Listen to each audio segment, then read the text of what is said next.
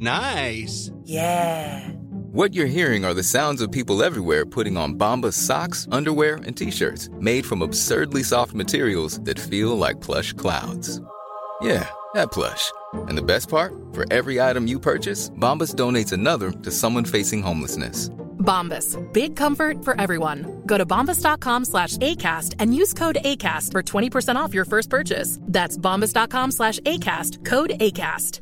Hi, I'm Daniel, founder of Pretty Litter. Did you know cats tend to hide symptoms of sickness and pain? I learned this the hard way after losing my cat, Gingy. So I created Pretty Litter, a health monitoring litter that helps detect early signs of illness by changing colors, saving you money and potentially your cat's life. Pretty Litter is veterinarian developed, and it's the easiest way to keep tabs on your fur baby's health right at home. Go to prettylitter.com and use code ACAST for 20% off your first order and a free cat toy. Terms and conditions apply. See site for details. Hiring for your small business? If you're not looking for professionals on LinkedIn, you're looking in the wrong place. That's like looking for your car keys in a fish tank.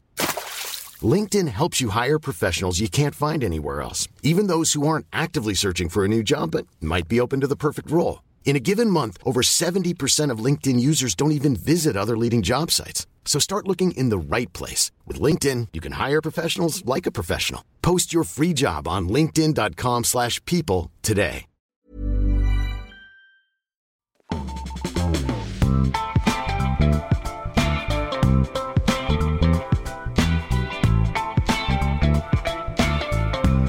Ja, visst, man får ändå konstatera att eh, du där ute lyssnar på nyhetsshowen och det är sista dagen innan lön för väldigt många på den fattigaste månaden eh, på året. Drabbar det Ina Lundström? Drabbar det? Drabbar ingen fattig? Eh, det drabbar ingen fattig. Det drabbar mig på så sätt att jag bestämt mig för att göra väldigt billig stand-up under årets fattigaste vecka. Så jag har giggat väldigt många dagar i rad för eh, 50 kronor kostar det, Ah. eh, har det kostat att se mig. Så att, jag har fått se ny, möta min nya publik. Ja, okej. Den fattiga Den publiken. fattiga publiken. Men det är inga fattiga skämt, billiga poänger och så. Jo, det är- det är sämre också. än vanligt. Ja, Ja. det är, där har du inte ändrat dig. Nej, Det är nej, nej, nej, nej, nej. Det är, jag skulle säga att jag aldrig har varit sämre. Ja. Eh, hur är det med dig då? Jo då, det är bra, det är bra. Vi har mycket att prata om idag. Jag tänkte eh, att jag skulle nämna lite de nya NATO-beskeden. Det var ändå en hektisk NATO-dag. Det börjar dra ihop sig. Dessutom så var ju Sara Skyttedal med i 30 minuter nu. Äntligen då får vi höra hennes eh, version efter att hon var så himla kryptisk i sociala medier. The backstabber has become the backstabby, sa någon på redaktionen eh, igår och det var jag. Eh, men meningarna går isär där. Vad ska du prata om? Eh, Jag kommer prata om efterdyningarna av en rysk influencerfest. Den skedde eh, mellan jul och nyår så den har blivit lite eh, fallit mellan stolarna men eh, har gett långa konsekvenser eh, och det hände mycket grejer i förra veckan kring eh, bestraffningar kring olika personer som var med där då. Mm, intressant. Eh, vi får också gäst idag som vanligt. Mia Pettersson, vår kollega på GP Reporter här som har varit eh, ute i Göteborg och träffat eh, mormonmissionärer. De har ett ganska tufft jobb i Sverige då eftersom att vi eh, inte är särskilt religiösa och hatar att prata med folk. Åh, Hon har hängt med dem där och ser hur det går för dem men också pratat med en avhoppare då som har en eh, helt annan bild av eh, mormonkyrkan än de här missionärerna kan man lugnt säga. Det blir spännande runt halv åtta. Sen är det bakvagn. Ja just det, det blir det absolut. Då kommer jag ju prata lite om att Storbritannien, det här är ingen nyhet, men Storbritannien de har svårt att få folk till sin militär. Jag vill bara säga att de har haft det i typ 200 år. Men eh, de har gjort en ny kritiserad kampanj för att försöka dra in folk som jag kommer berätta lite mer om. Eh, sen så har det ju varit prima, eh, primärval i New Hampshire eh, och det var lite oegentligheter inför där som också jag kommer berätta lite mer om. Ja, då tar väl jag lite lighter side om eh, polisens eh, märkliga uppdatering på sin hemsida häromdagen. Det är lite djurnyheter och polisnyheter. Jag håller mig lite kryptisk där. Kanske någonting från eh, Idrottsgalan också. En fadäs som uppstod eh, där. Annars då? Jo men det är bra som sagt, årets fattigaste vecka. Ja. Eh, och också, eh, å, man kan inte säga årets fattigaste år, men, men ett, ett mycket fattigare år än vad man har haft på länge. faktiskt. Eh, Lågkonjunktur och 24 januari. Ja precis. Tungt. Ja det är, tung, det är tungrot är det. Ja. Eh, men eh, som sagt så har jag eh, valt att liksom eh, smida, jag tjänar ju pengar överallt va. Mm, Eh, Så att eh, jag tänkte ju att då blir det riktigt billig standup i en vecka. Men då får man också vad man betalar för. Så Mm. Ja. att eh, jag och min kompis Petrina har varit riktigt dåliga eh, och så får man betala riktigt lite för att se oss. Mm. Ja, Jag såg Petrina Solange Ja. på stan. Ja, du gjorde det? ja, hon åkte runt på vagnen. tänkte jag, hon är nog på väg hem till Ina. Det stämmer. Det Men nu ligger hon och sover, det Ja. behöver hon. Eh, härligt, då kör vi igång.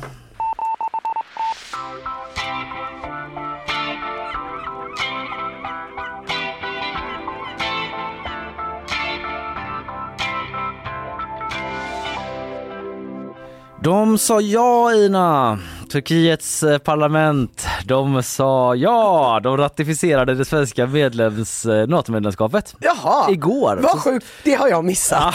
Ja, men det är ju så mycket man filtrerar bort Ja. det här med att liksom, nu är det nära, Ja. nu är det snart dags, Jag nu upplever är vi att, nästan eh, med. Mm. ja, för inför min egen skull så har jag liksom filtrerat bort allt om NATO utom nu kör vi. Det här är ju min bästa stund när jag får berätta om NATO för dig. Precis. För du är så himla bra publik. Alla mina uppdateringar från du NATO vet kommer ju inte via så dig. mycket, Nej. du vill veta, Ja. du är liksom idel örat, du kommer med instick och lättar upp, det är liksom perfekt.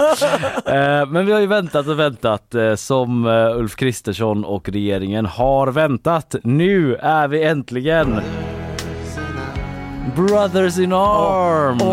Åh, åh, men med åh, Turkiet. åh nej, du får inte spela den här låten så här tidigt på morgonen. Åh, det är avsnittet av West Wing. Oh, och så där gitarren från Mark Knopfler. Okej, förlåt. Brothers in arms, NATO-kompisar, ja nästan i alla fall. Så här lät det i turkiska parlamentet igår. İstanbul Milletvekili Numan Kurtulmuş'un Kuzey Atlantik Antlaşması'na İsveç Krallığı'nın katılımına ilişkin protokolün onaylanmasının är protokoll. Ja, du där hörde lite torkade grann. mina ögon upp snabbare än Saharaöknen kan jag Vi säga. tar det igen då.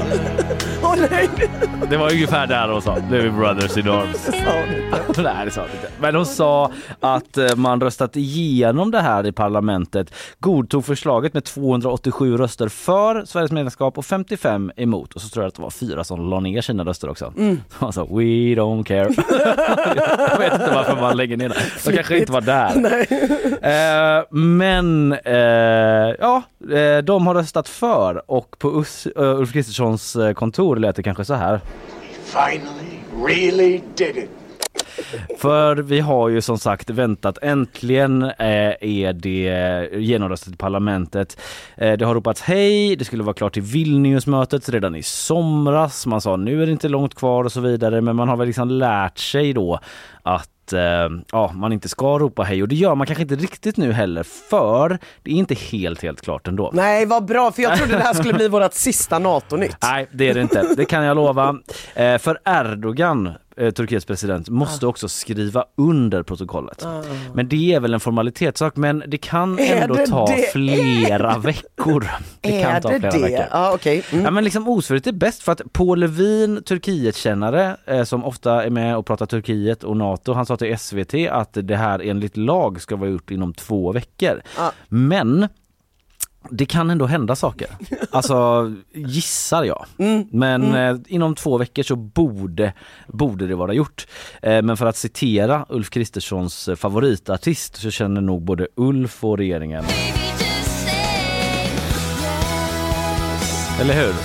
Säg ja nu bara. Antagligen. Eh, Vad var det här för artist? eh, Taylor Swift såklart. Jaha, ja, ja, ja. Han älskar ju henne. Jaha! Han, hon var ju mest spelad på hans Spotify Wrapped bland annat. Oj! Ja, Han är- tack han- för... i- i- Jag, åh, jag får lära mig så mycket nu. Ja, men det känns som att han kanske du vet så kanske legat eh, på mage i sängen med ett Ja. anteckningsblock och benen upp eh, där bak så och liksom drömt om att få vara med och varit lite så.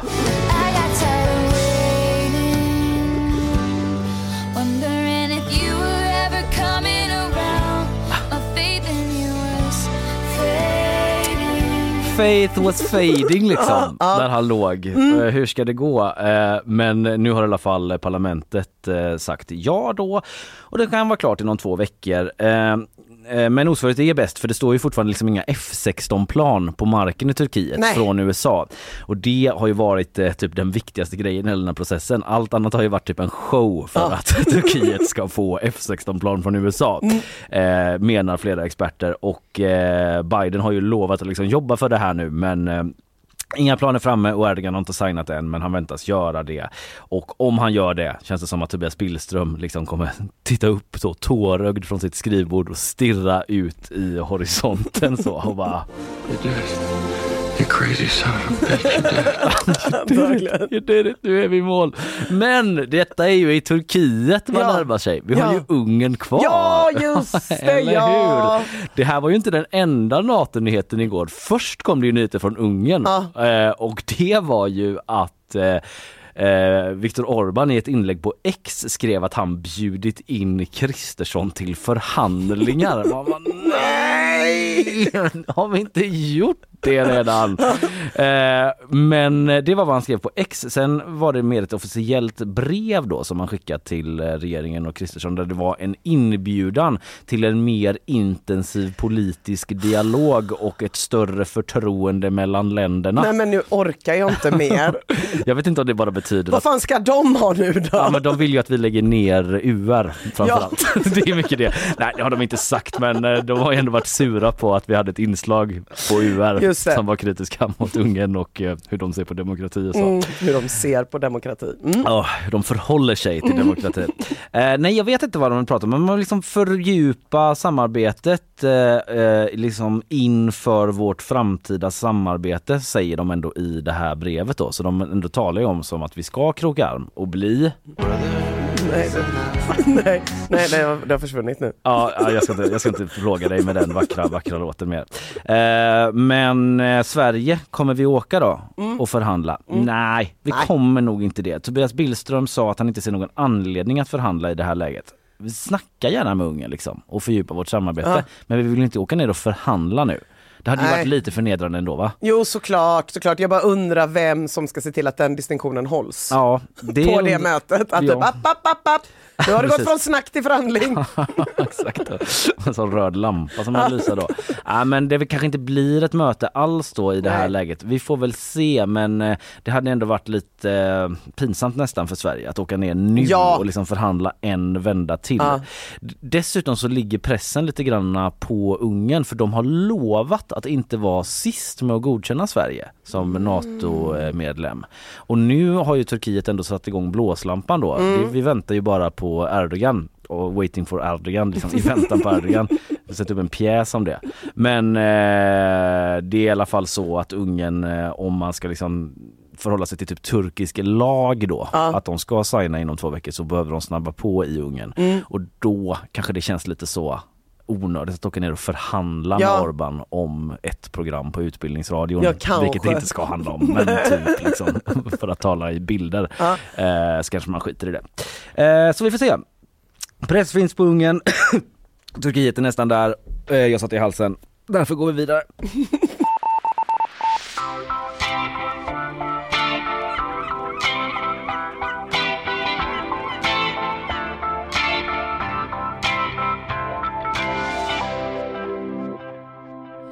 Gonorrén är ju på frammarsch, Kalle. Det kunde vi höra om i nyhetsshowen förra veckan. Ja, eller hur? Mm, absolut. Good old gonorrhea. Ye good old gonorrhea. Tänker på eh, Band of Brothers, den karaktären gonorrhea. I sure got old gonorrhea this time. Tänker jag på någon gång, oftare än romarriket. Det förstår jag. Eh, Men ye old gonorrhea har ju ökat eh, 700% på bara 15 år. Ja, Det är stora ökningar. slående siffror. Slående siffror, det är i och för sig lätt att behandla än så länge och oftast, men det finns en stor oro över liksom gonorréversioner som är antibiotikaresistenta och att dessa ska spridas. Mm. Och för en månad sedan, eh, månad sedan så varnade EUs smittskyddsmyndighet ECDC, jag vill bara säga det för att de heter så. Heter de så? Ja, ECDC Det är så. ACDC och ECE typ. Ja, jag vet. Easy is his name and the brother coming straight out of EU typ. Ja. Varför var det ingen som tänkte på det? Varför jobba, de som jobbar på EUs smittskyddsmyndighet tänkte inte på det. Men ECDC i alla fall gick ut och varnade för att gonorré, klamydia och en könssjukdom till ökade i Europa. Vilken tror du den tredje är? Oh, vilka sa du nu? Eh, Gonorré, klamydia Ja. och eh, jag- jag kan inga mer könssjukdomar. men om du Eh, sätter ye old framför så kanske det blir. Geold, uh, aids är för grovt liksom och det går ju ner. Eh, pff, jag, jag, kan, jag kommer inte på en enda könssjukdom. Syfilis. Syfilis? Ye old. Det är verkligen Det är ye- Det är så jävla ja. ye old. Den hade jag lämnat bakom mig för länge sedan. Eller hur? Man Ja. trodde vi var färdiga med den skiten men det är vi What's tydligen next? inte. Typ spetälska liksom. ja. Forskarna säger i alla fall att ökningen av de här könssjukdomarna i EU beror på att fler testar sig i och för sig så att man har Mm. fler fall att rapportera. Men också att det är faktiskt är fler som envisas med att ha oskyddat sex. Och vad ska man göra då? Ja det är väl det gamla stalltipset kondom. Det är väl Ja. det som eh, gäller och fortsätta tjata om. Men det verkar ju gå sådär. Man verkar inte kunna få folk att använda kondom. Och då, eh, liksom, jag tror inte ens det funkade när man hade på 90-talet den här kampanjen med kondomer med smak. Som jag kommer att tänka på här på morgonen. Ja, Den finns inte längre. Det. Jag kollade på Coop häromdagen eh, faktiskt, eh, eh, och, eller vilken annan affär som helst eh, och konstaterade att eh, det finns inte längre. Mm. Nej. Förut var det så, päron, banan, hallon, lakrits och så stod man som barn och typ fnissade Ja, eh, för det som såg ut som godis. Big pack Ja, precis. typ. Ja. Men det, det verkar inte hjälpa så de har försvunnit. Nu Nej. är de mer stilrena i sin design. Det verkar inte heller funka. Så då får man ju anpassa sig efter hur folk är, gilla läget och bara be folk att testa sig istället. Så vi kan hålla koll på vilka som Mm. Ja, har just det. Eh, och det är precis vad Västra Götalandsregionen gör. Minus för syfilis då. De har ingen kampanj mot syfilis. Men när det gäller gonorré och klamydia säger Anna Terstad som är barnmorska, barnmorska och teamsamordnare för screening och egen provhantering till GP att de har en kampanj nu för att minska antalet positiva fall i samhället. Så i slutet av december så lanserade VGR då ett nytt självtest för just klamydia och gonorré. Gonorré. Och det kan man beställa från 1177. Mycket smidigt. Många har använt sig av det, över tusen tester har beställt och fler ska det bli för nu jävlar, nu rullar reklamkampanjen ut. Och var rullas den ut? Jo, på ställen där folk är sugna på att få gonorré. Så på Tinder, Instagram och Facebook Aha. kan man nu mötas av den här informationen. Så man står och swipar där så kommer det upp eh, Ja. en meddelande från Passa på att VGR. testa dig. Ja. Precis. Passa på att testa dig. Så här beställer du självtestet. Det är svinenkelt, det går för hem det. Det är Ja. kliniskt beprövat. Ja, Ba, ba, det ba, låter ba. väl ganska smart. Eller hur? Om man nu vill nå ut till potentiella liksom Liggadorer. samlagsidkande personer eller liggadorer så är det väl ändå Tinder en bra plats att vara på. Jag tror det. Anna Terstad. Anna Terstad säger i alla fall, det är för att alla dessa tre då, Facebook, Instagram och eh, Tinder, är breda plattformar dit man kanske vänder sig för att söka nya relationer kontakter. Och det skulle i så fall kunna vara så att man har en ökad risk för att smittas och behöva provta sig, att man hänger mycket här. Och jag känner så här, ja på Tinder, ja 100% jättebra. Instagram, kanske. Facebook though? Nej, kanske inte. Vem, Det är vem? inte så har en sexy Facebook på det sättet. Vem går in på Facebook? Alltså jag tänkte typ att eventuellt kan det vara syfilis som sprids på Mm. Facebook. Men jag har väldigt svårt att tänka mig något annat. Ja. Ja, men det kanske är, finns eh, i vissa sådana Facebookgrupper typ. Fast är det reklam i dem? Jag vet inte. Men att det är liksom en het stämning i någon Ah, sån eh, Och det finns kennelgrupp eller någonting. Och det finns i och för sig. Du vet, de har gått igång så nu måste Ja. de försvara kamphundar typ, Ja. och då är alla så jävla typ så krokar arm och så krokar man arm och så kommer man lite Brothers in nära. Arms trodde jag du skulle spela. För kamphundar. För kamphundar, Ja. precis. Och så är det någon eh, typ Lars 87 Ja. som skriver under Tina 19 sötis. Ja, typ. och då kommer så pling plong, glöm inte gonorré, det är vi på VGR. Ja, eller glöm inte syfilis borde det vara då Ja, på just det. Facebook rimligen. För de hade ju en annan eh, idé med reklamkampanjen att de skulle också dyka upp på faktiska dejter. Så att man liksom mellan eh, eh, huvudrätt och efterrätt kom de så gonorré. Tänk på det här med Var. Ja. Mm. Nej det hade de inte. Nej men det, då, då är det ju kondom. Jag tycker också det är pragmatiskt och fint att man går från kondomhetsandet, eller det gör man ju också såklart, Mm. och håller på att hetsa med. Men att man också är så här, "Ah, ja, nej men folk verkar skita i det här med kondom, men testa er åtminstone Ja. då. Det är ändå fint tycker jag.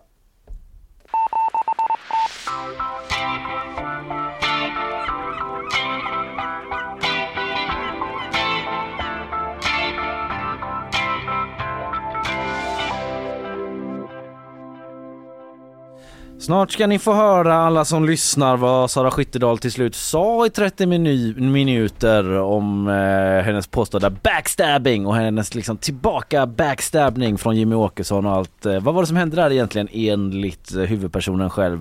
Men först eh, huvudpersonen för vårt nyhetssvep, Isabella Persson, god morgon. Det är jag. God Hur, morgon. hur, hur är läget? Det är bra. Ja. Är det det själva? Det är utmärkt. Det är toppen, särskilt nu när man vet att det kommer liksom i en ganska komprimerad form det viktigaste från morgonens nyhetsflöde. Ja. Varsågod, nyheter kommer här. Trump står återigen som segrare i primärvalet som nu avgjorts i New Hampshire men hans numera enda motståndare Nikki Haley kom närmare än vad man kanske tidigare trott. Om ni rapporterar att när 87 procent av rösterna räknats så hade Trump samlat ihop 54,5 procent jämfört med Haleys 43,6. Trump och flera andra republikaner har under natten uppmanat Haley att ge upp kampen men det vill hon inte. Nästa primärvalsrunda är i hennes egen hemstat South Carolina där hon nu har en månad på sig att värva fler röster. Stormen Jocelyn har dragit in över Göteborg de senaste dagarna har den hängt över de brittiska öarna och Danmark och ställt till en del problem. Över Göteborg verkar den dra med sig framförallt regn. Enligt SMHIs prognos ska det regna fram till eftermiddagen och kommer kombineras med kraftiga vindar. Men vad det verkar så blir ändå Jocelyn lugnare här jämfört med tidigare. Redan semifinalklara Sverige blev igår överkörda av Norge i gruppspelets sista match i handbolls-EM. Till slut vann Norge med hela 10 mål och slutresultatet 33-23, vilket är den största förlusten för det svenska landslaget sedan EM 2020. Förnedrande kallade Viaplays expert Claes Hellgren det. Landslagsspelaren Andreas Nilsson kallade det en pissinsats och till Aftonbladet sa Jim Gottfridsson att man igår skulle snacka om matchen och sen kasta den under mattan. För nu väntar ju faktiskt en semifinal mot Frankrike på fredag. Oroväckande inför den är dock att nyckelspelaren Albin Lagergren haltade av planen i halvtid mot Norge efter problem med en höftmuskel. Men han tror att det ska vara lugnt inför fredagens match. Jaha, en pissinsats men spelade den någon roll då? Nej, den var Det- betydelselöst eh, liksom, eh, för turneringen. Mm. Sen kanske det är mentalt, att man bara är urusla. Ja, det vet man aldrig det där men de vilade till gubbar då kanske? Det gjorde de. Mm. Men sen så kom det ändå in lite så, start, eh, Ja. uppställningen och så. man Men de kommer det inte bli- riktigt, Pined liksom. det var lite pinsamt. Jag stängde faktiskt av. De har ju varit så bra innan men Ja, jag tyckte det var och semifinalen är på fredag sa Mm. du då, mot? Frankrike. Mot Frankrike blev det ja. Mm. Ja, det ser vi fram emot. Eh, se om jag eh, får till att titta. Jag säger alltid att jag ser fram Jag är så taggad på handboll hela tiden. Du är det? Men jag, Ja. hinner aldrig, jag har alltid tyckt om att titta på handboll men jag har typ inte sett det på sju år. Nej. Det känns så. Eh, Den som väntar på något. Eh, tack Isabella. Tack.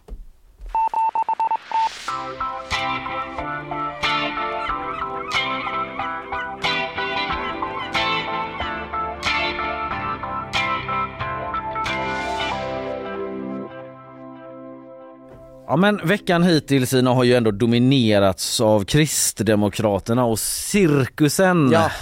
Skyttedal ut, Alice Teodorescu, Teodorescu Måwe in. För att Skyttedal enligt Ebba Busch gick bakom ryggen på KD med SD som genom Jimmy Åkesson kallade ner Skyttedal med ett sms till Busch om just att Skyttedal gått bakom ryggen på KD. Hänger du med? Ja, Mm. absolut. Alla är caught up i eh, vad som har hänt den här veckan. Där stod i alla fall Skyttedal, alltså Fanny snackade ju om det här igår eh, och eh, utan plats på KDs lista inför EU-valet som kommer nu då och alla undrar var, vad hände egentligen? Det var ju att Jimmy Åkesson hade smsat till Ebba Busch och varit så här eh, du hon pratar med oss och hon vill vara med oss istället. Vi vet inte exakt vad han skrev men Nej. han hade i alla fall liksom golat ner henne. Eh, och eh, alla undrade vad säger Sara Skyttedal själv då? Och hon skrev på X bara att så här, jag kommer berätta vad jag har att säga men inte just nu. Nej. Ungefär så. Och eh, nu var tiden kommen då i SVTs 30 minuter. Anders Holmberg hade liksom packat väskorna och åkt ner till Bryssel för att göra den här intervjun med henne där. Och eh, eh, så här sa SVTs politikkommentator Mats Knutsson om intervjun efteråt. Ja, det här är ett försök till karaktärsmord av Ebba Busch. Ett generalangrepp på partiledaren. Mm, mustigt Ja, från man Knutsson. Man, Mustige man är ju inte ledsen när Knutsson tar i. Nej, när han liksom skruvar upp musten och häller upp ett glas. Då lutar man sig tillbaks. Men också spetsar öronen självklart. För det som sker i den här intervjun då det är ju att Sara Skyttedal säger att Ebba Busch hittar på att Skyttedal konfronterades med något som bara finns i Ebba Buschs fantasi. Det var ett ordagrant citat. Ja. Det är typ, hon är galen! Ja det är ju, ja. Ungefär eh, är det vad hon säger. Hon säger att hon varit öppen hela tiden, alltså Sara Skyttedal, med sina kontakter med Sverigedemokraterna. Men att det handlat om informella samtal, att hon absolut inte ska ha försökt att hamna på SDs lista till EU-valet. Det hon alltså anklagades för. Eh, enligt uppgifter Ja, och sådär. Det mm, var lite Ebba Busch sa liksom, hon var lite mer så vag typ, men det är ändå det det har handlat om. Eh, och eh, ord står ju mot ord. Vem är det som talar sanning? Anders Holmberg ställer ju frågan eh, på sitt sätt. Jag förstår, men vem är det som är flexibel med sanningen? Vem är det som Mm. ljuger? är ett annat sätt att säga det på då. Sara Skyttedal. Jag uppfattar att, det, eh, att Ebba Busch inte har varit ärlig mot mig med sina avsikter.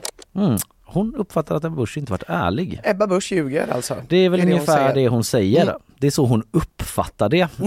I alla fall, eh, det låter ju eh, eh, som så och hon säger också att det här liksom SD-mötet som inte var en grej enligt Sara Skyttedal, att det bara var en förevändning för Ebba Busch och ja, hennes närmsta där då att göra något man eh, velat göra en längre tid. Det är ju uppenbart att det inte fanns en förutsättningslöst möte kring det här partistyrelsesammanträdet utan ett förslag till beslut eftersom det redan fanns en distriktsordförandekonferens kallad, en riksdagsgrupp kallad precis efter, en ny kandidat var klar och en presskonferens var bokad nästa morgon. Det är ganska tydligt att det fanns en tydlig plan med att avsätta mig men den avsikten eh, valde man att, att dölja för mig. Mm. Att man liksom hade peggat upp då, allt var klart liksom inför att hon skulle ha ett möte med dem och eh, eh, för att hon skulle få gå då. Mm. Eh, men att man inte har varit ärlig, ärlig och öppen med det och hon menar då liksom att den här kontakten med Sverigedemokraterna som har skett, liksom, hon har träffat dem, men hon beskriver det i 30 minuter som att hon av en slump hamnat i en bil med en icke namngiven Europaparlamentariker från SD. Vad kan du tänka dig för situation då man av en slump hamnar i en bil? Carpooling på något sätt. Ja, Kar- jag tänkte på väg hem från, man kanske bor nära varandra och sen, Ja. sen ska vi dela en taxi. Ja, något sånt kan det väl Mm. vara. Vi vet inte, det är spekulation. Men de ska ha suttit där och snackat om hur hon Skyttedal då skulle kunna påverka och hjälpa deras parti, alltså SD.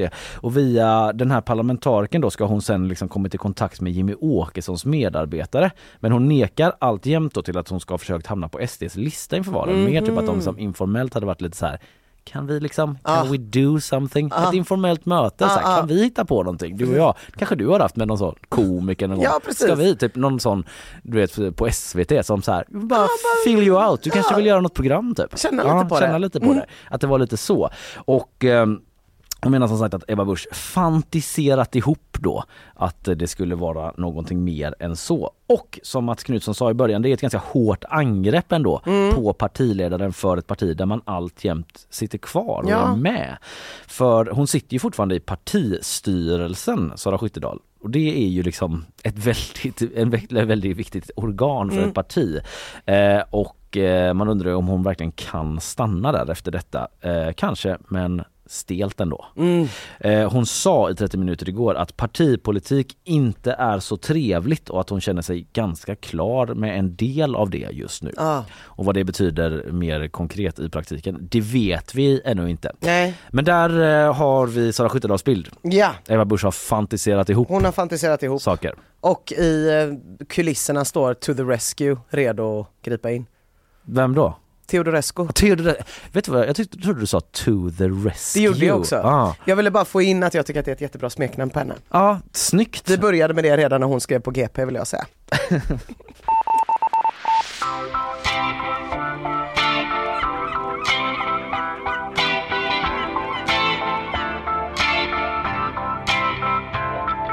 Nu ska vi på fest. Nu ska vi på fest.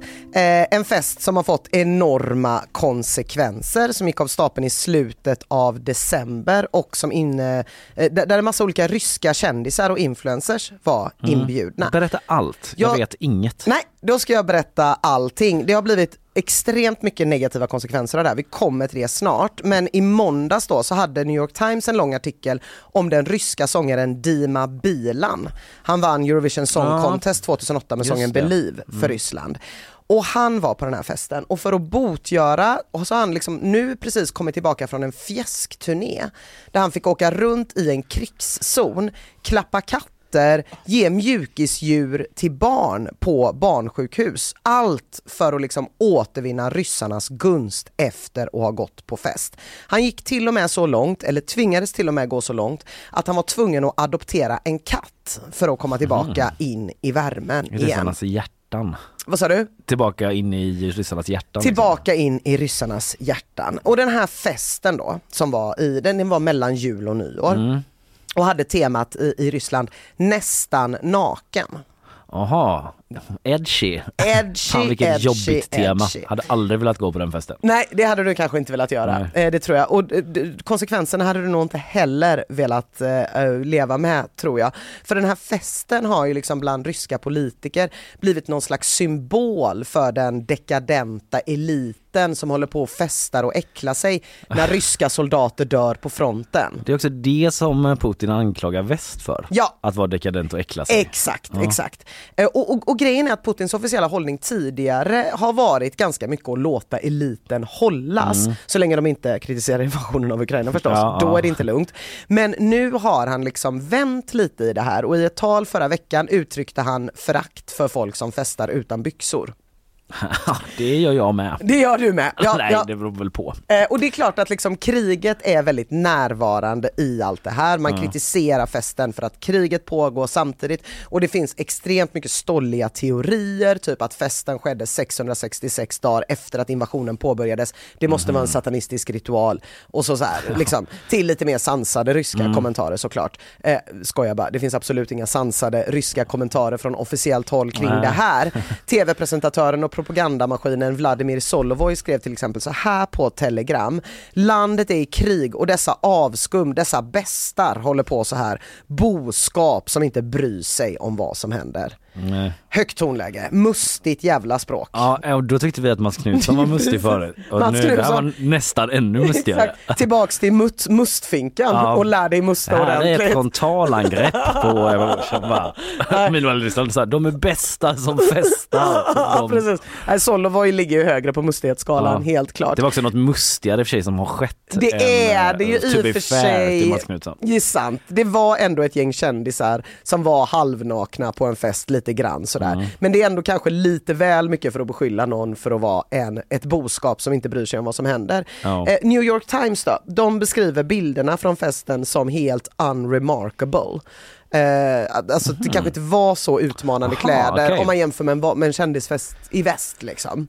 Nej, Men- jag, har ju ändå sett, eh, vad hette den, Ciscos showdown på eh, MTV. Ja. Alltså de sådana house parties när Ja. folk liksom är lite mer strandklädda. Det är väldigt naket. ju. Det är väldigt naket. Och, och det, Aktuell referens. Ja, det var halv, men ändå. Ciscos dance off party eller vad fan det heter. Ja, men, Men det New var- York Times som har sett bilderna i alla fall säger att nej men det är inte så jävla mycket att se det här då. Men folk är fortfarande ursinniga en månad efter festen, eller eh, officiella, från officiellt ryskt håll i alla Mm. fall. Anastasia Ivleva är influensen som arrangerade festen. Hon undersöks nu för skattebrott och flera privatpersoner har försökt stämma henne för moralisk skada. Okej, det kan man bli stämd för där. För att, Mm. eh, som inte har varit på festen utan bara för att festen har funnits så känner de sig moraliskt skadade. Ägaren till klubben där festen hölls, han har fått be om ursäkt. Han ska ha donerat en religiös relik till en kyrka i Moskva för att på så sätt vinna tillbaka ryssarnas Mm. hjärtan. Make amends. Den så kallade ryska popkungen Filip Kirkorov kommenterade sitt olyckliga festdeltagande så här. Det kommer ögonblick i allas liv när man går in genom fel dörr. Mm. on. Och då låter det ju lite som att han bara liksom råkade gå förbi festen och halkade in. Men samtidigt, han anlände i kalsonger och någon slags nätbrynjepyjamas. Ja. Så att helt oplanerat eh, kanske inte det här festdeltagandet Nej. var. Att man plötsligt går förbi ett hus och så plötsligt står man på Ciscos shakedown. nej, precis. Och bara oj! And I'm dressed for the occasion. Tong, tong, tong, tong. Det är en otrolig låt. Ja det är det. Mm. Det var ett otroligt program också. Det var det va? Eh, Men det känns också lite hårt då att att han ska berövas den officiella titeln som han har då, Folkets artist, Mm. för att han var på den här festen. Hans scener har tydligen klippts bort ur en film, hans namn har plockats bort från filmaffischer. Ryssland, more Sovjet by the day får man väl säga. Eller hur? En annan som har det tufft efter festen är rappan Vakio som gick dit enbart iklädd strumpa och skor. Strumpa, alltså strumpa Mhm. för hans könsorgan. Ah, okej. Det var ju ändå väldigt vad de ska vara så lugna på. Vilka var det som sa, var det New York Times som sa att det Ja, inte att det var så var farligt? unremarkable. Typ, Ja. unremarkable. Ja. Typ så här, det är väl ingen grej. Nej. Typ så här, du, ni kanske inte vet vilka fester vi brukar gå på. Nej typ. precis, jag vet inte vad de brukar gå på för fester, det låter ändå rätt remarkable. Ja, det tycker jag. Ja, eh. Man, det första man kommer att tänka på i alla fall om man är i min generation det är att man tänker, är det här någon slags stilla hyllning till Red Hot Chili Peppers? Mm. Eh, eller någonting. Eh, men andra ser det då i Ryssland som en uppmaning till icke-traditionella sexuella relationer. Mm. Och med Rysslands nya helt sjuka hbtq-lagar Mm. där man anser då att hbtq-rörelsen är en extremiströrelse så kan ju en strumpa på kuken ge både fängelse och böter. Och så blev det också. Vakio fängslades i 25 dagar, fick böta 25 000 svenska kronor men det räckte inte för för två veckor sedan kom nästa slag mot den här rapparen då. Han kallades in till militärtjänst.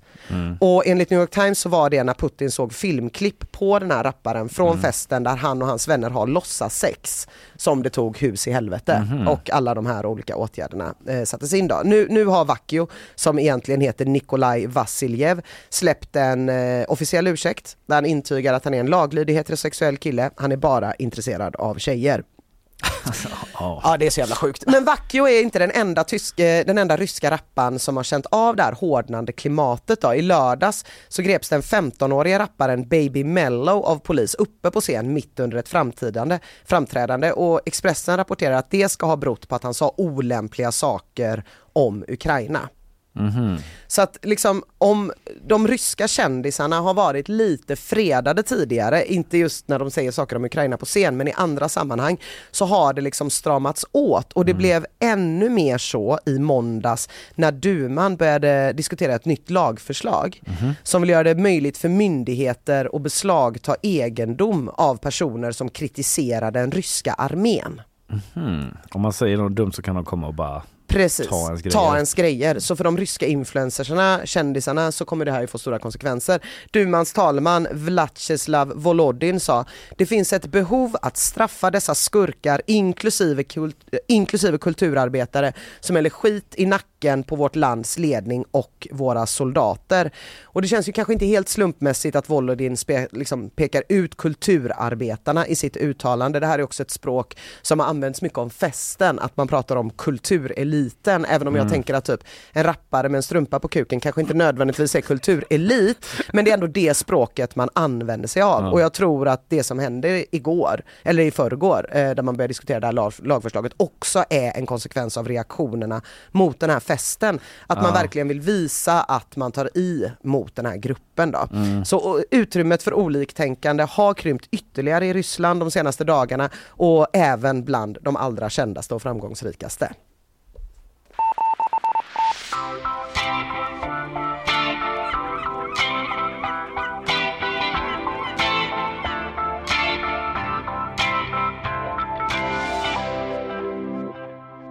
Men kul att eh, få komma tillbaka lite till MTV-tiden och Ja. eh, Cisco Shakedown och Red Chili Peppers med han sångaren med strumpan på... Ja. Eh, mm. För, för, precis, det är idel aktuella referenser för våra unga lyssnare. Ja, Mm. men eh, tro oss, det var tider. Ni som är lite, in- inte känner igen det riktigt.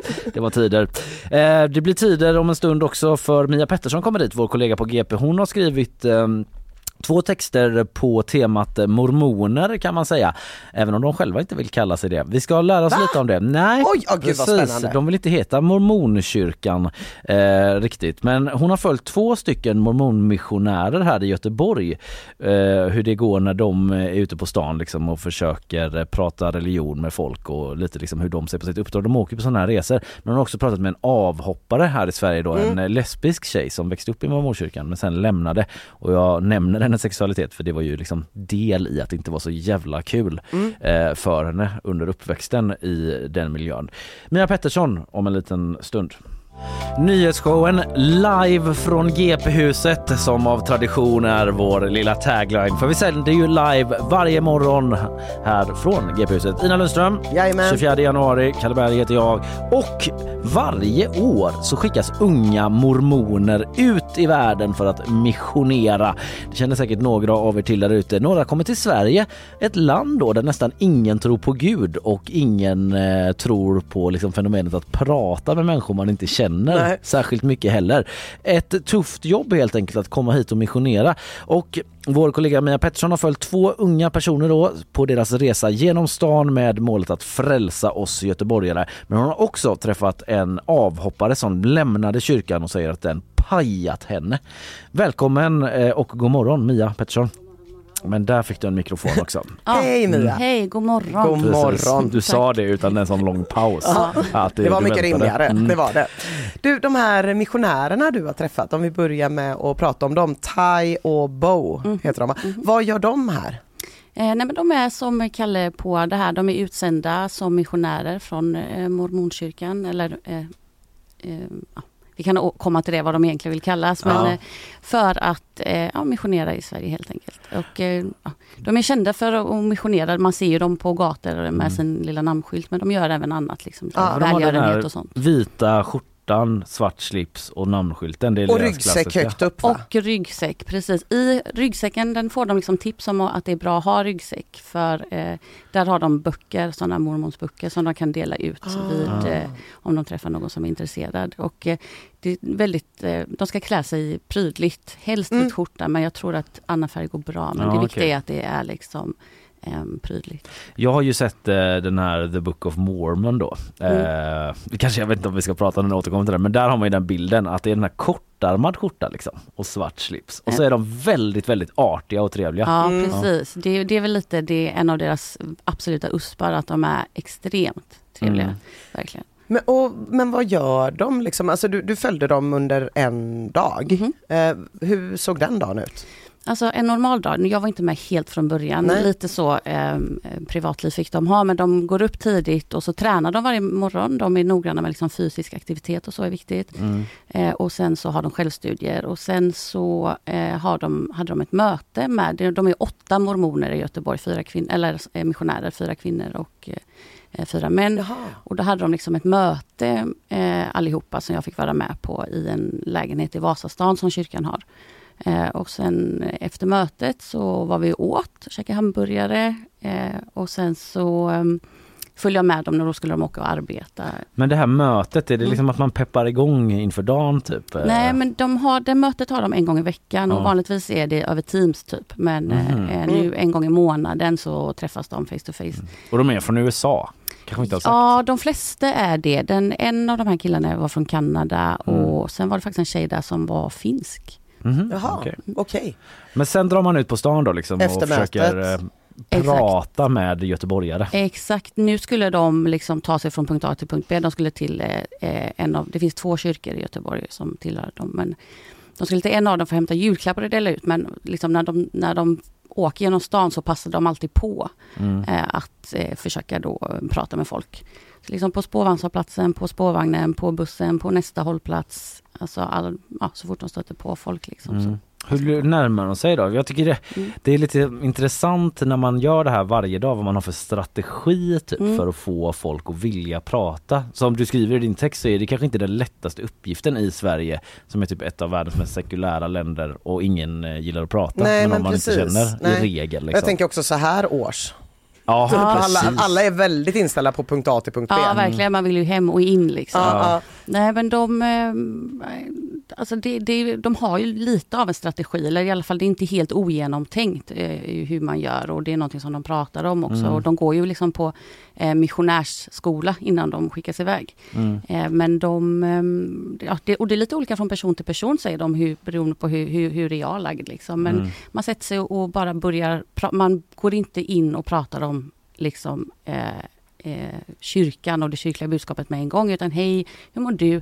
Man kan säga vilka fina skor du har eller Mm. mm. vart är du på väg? Eller, eh, ja, man börjar med någonting allmänt liksom. Och sen så efter ett tag då så leder man in samtalet Mm. på eh, Alltså amerikaner är så bra på det där. Otroligt. Alltså det, de har ju, alltså, även om man inte eh, jobbar med att eh, missionera så är det ju Mm. ändå på ett helt annat sätt vad det gäller, typ helt plötsligt står man i ett samtal. Mm. Man bara, hur hamnade jag här? Det är Svart ju- då är det en bälte i amerikan. småprat, Ja. har jag för mig du skrev. Ja precis. i Nej men det texten. var, alltså det, det var... För du bevittnar dem, eh, du bevittnar några interaktioner där. Ja precis. Alltså precis. även om man har svart bälte så vinner man ju inte alltid liksom matchen. Men hur gick det för dem? Nej men bara att se liksom hur liksom, det, ja, men till exempel en kvinna går från att vara väldigt misstänksam. Ja. För helt plötsligt sätter det sig en skittrevlig ung man och bara ställa, liksom ställer frågor om henne. Mm. Det För vi har ju- svart bälte i misstänksamhet. Ja jag. verkligen, verkligen. Ja. Och typ kanske inte i att eh, killar ställer frågor. Om Nej. man nu får skjuta in en sån Nej, grej. Men, eh, Absolut.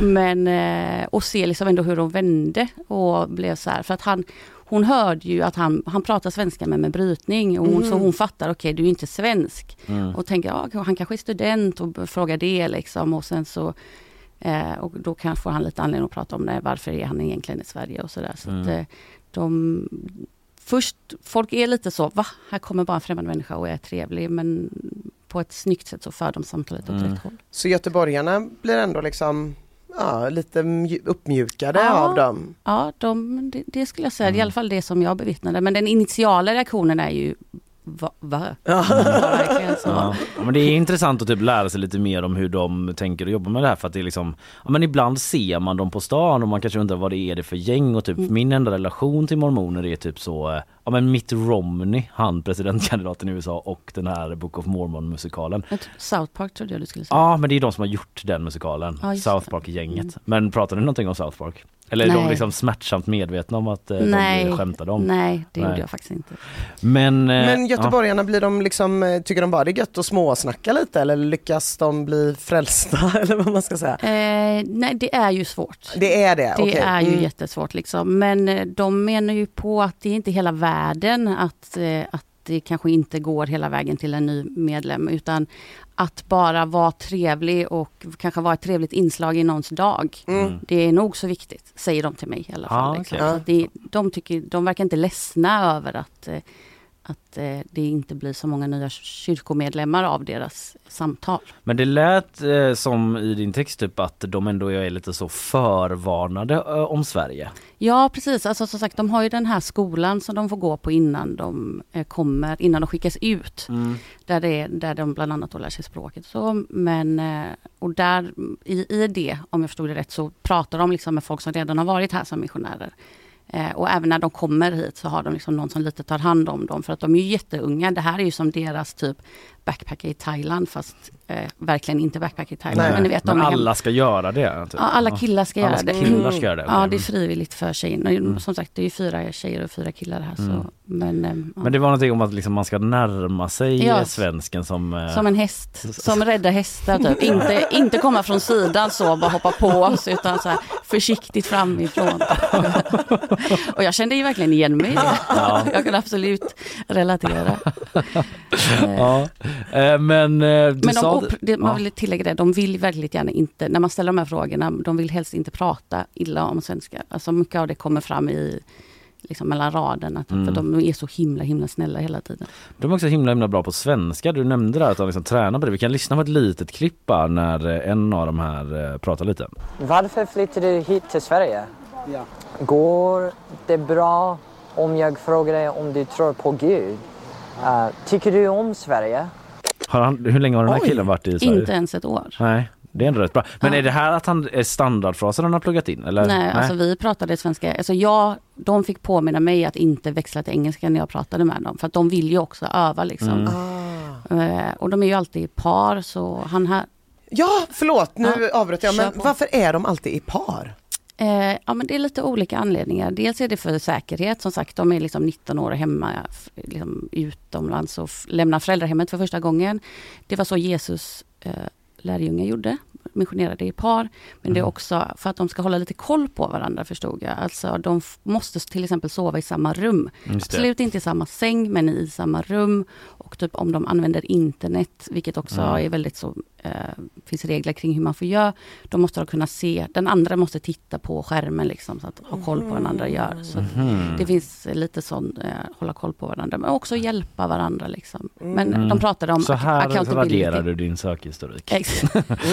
Ja men okej, de håller ihop så ja. Men eh, vad tänkte jag på? eh, för- för du, eh, de ville inte kallas för mormoner. Vi var lite inne på det i början. Eller så här, de heter inte mormonkyrkan officiellt. Nej precis, nu måste jag kolla på min fuskla. Ja, det riktiga det. namnet är Jesu Kristi kyrka av sista dagars heliga och de tillhör sista dagars heliga rörelsen, så säger man. Och Och det är en rörelse där det ingår liksom flera olika samfund. Ja. Ja. Och de tycker ju att, alltså det är ju deras, en, en, de tror ju på Bibeln också men Mm. Mormons bok är en av deras heliga böcker och de menar på att kalla dem mormoner, det är lite som att kalla liksom, vad, nu gör jag sådana här luft Citationstecken. citationstecken.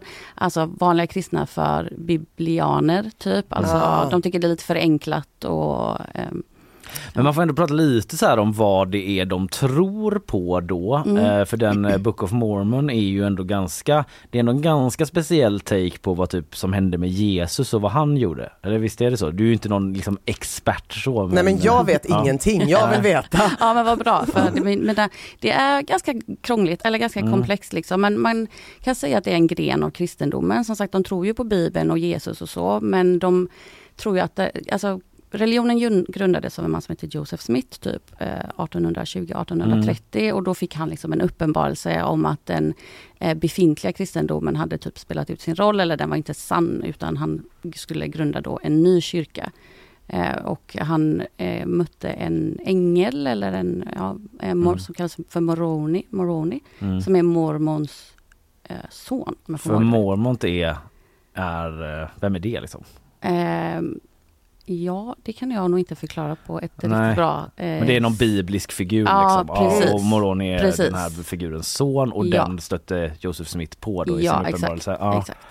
Och då fick jag höra att han skulle eh, hämta dem, hitta ehm, de här två guldtavlorna med helig skrift som Mm. låg begravda i en kulle.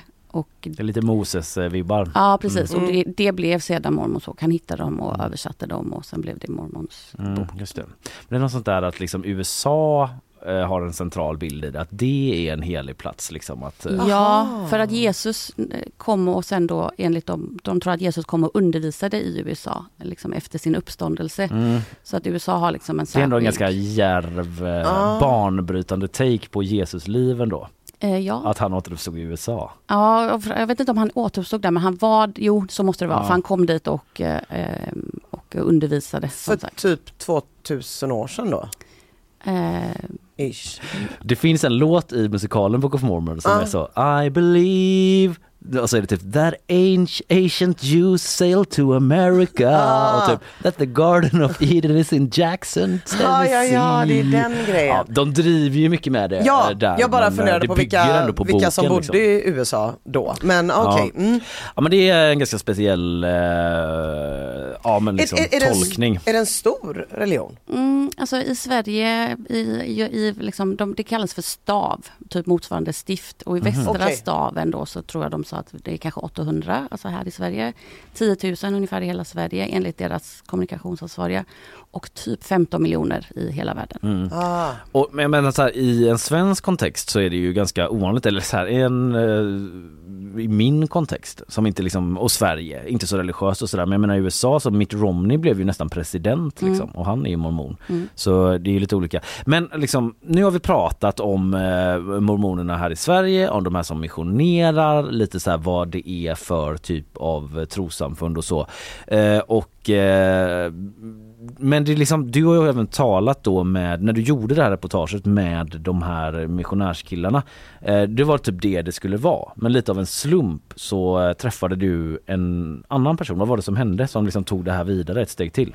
Ja men precis, vi diskuterade lite så fram och tillbaka. Hur mycket ska vi ha med? För det finns ju, de, de, de kan anses kontroversiella och det finns liksom eh, kritiker och sådär. Hur mycket ska vi ha med av det? Ja, nej, men nu handlar det här om kulturkrocken och Mm. inte så mycket om mormonkyrkan. Så. Men så var jag på en 40-årsfest och hamnade vid ett bord med en tjej som eh, ganska snart kom, bara kläckte att hon var liksom avhoppare. Och jag bara, från vad då? Ja, mormonerna. Jag bara, oj, Mm. gud jag har precis skrivit det här reportaget och liksom så här. Det var en ren slump. Ja, verkligen en Mm. ren slump. Och alltså jag skojade lite med henne och sa fan, helvete, jag hade ju skrivit klart. Jag skulle Mm. gå vidare och göra något annat. Men Mm. nu måste jag ju, jag måste ju intervjua dig. För att det, hon hade jätte liksom intressant och eh, ja, man får man väl ändå säga kompletterande eh, saker att säga om. Ja, hon har ju en Ja. helt annan bild av mormonkyrkan kan man lugnt säga. Rosanna heter hon. Mhm. Vad, eh, ja, men vad är hennes story liksom?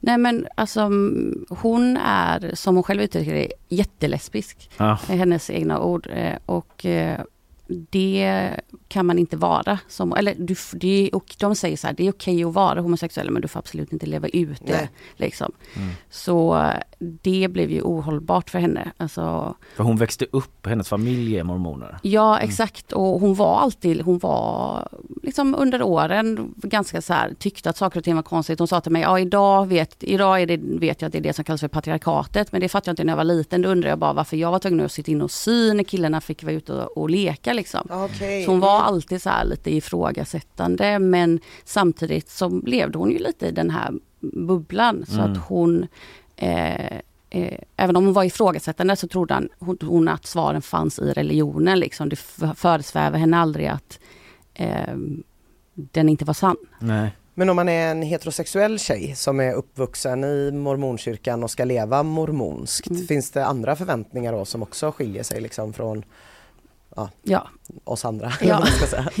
Ja men eh, som hon uttryckte det så sa hon liksom att eh, nej, det spelade ju, hon, för hon hade, var bråkig typ i skolan Mm. och, och eh, fick dåliga betyg och så. Men det spelade inte så stor roll för hon skulle ändå bli hemmafru precis som hennes mamma var hemmafru och sådär. Mm, mm, mm. Så det finns ju en ganska traditionell syn. Mm. Alltså de här missionärerna till exempel där alla tjejerna bar kjol. Mm. Men jag frågade dem och sa nej men det är av, av en händelse bara eller det måste vi inte eller det gör vi inte alltid sa de ju så.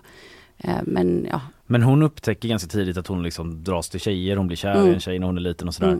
Eh, och hur hanterar hon det då? Det är ju många år liksom men var det någonting hon kunde prata om med sin familj eller vad händer?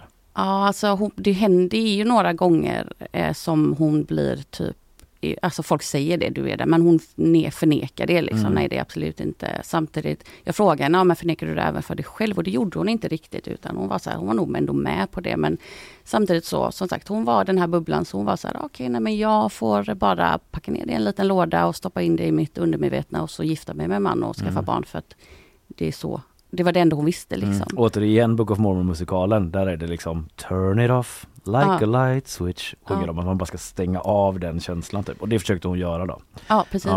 Men eh, till slut så eh, har hon ändå eh, ett tillfälle där hon berättar att hon ska lämna kyrkan eller hon försöker prata med sina föräldrar om det på Alltså något det sätt. som händer är ju att hon försöker be om uppenbarelsen berättar hon. Att hon Mhm. väntar, för all, som mormon så väntas du att själv, att du ska få en känsla av att det här är sant, vi, det vi tror på är sant. Liksom. Jag tror inte på det bara för att mina föräldrar gör det. Utan så, så hon, men hon har ju burit på de här tvivlen. Så en dag när hon är typ 19 så sitter hon och ber och liksom vill ha den här känslan. Hon är trött på att känna det här tvivlet. Mm. Och det som kommer, eller det som händer är, är tvärtom. Att Mm. hon hör en röst som hon idag säger, men det var väl mitt undermedvetna. Liksom, Mm. Som säger bara, men spring, bara spring. Ja. Mm. Liksom.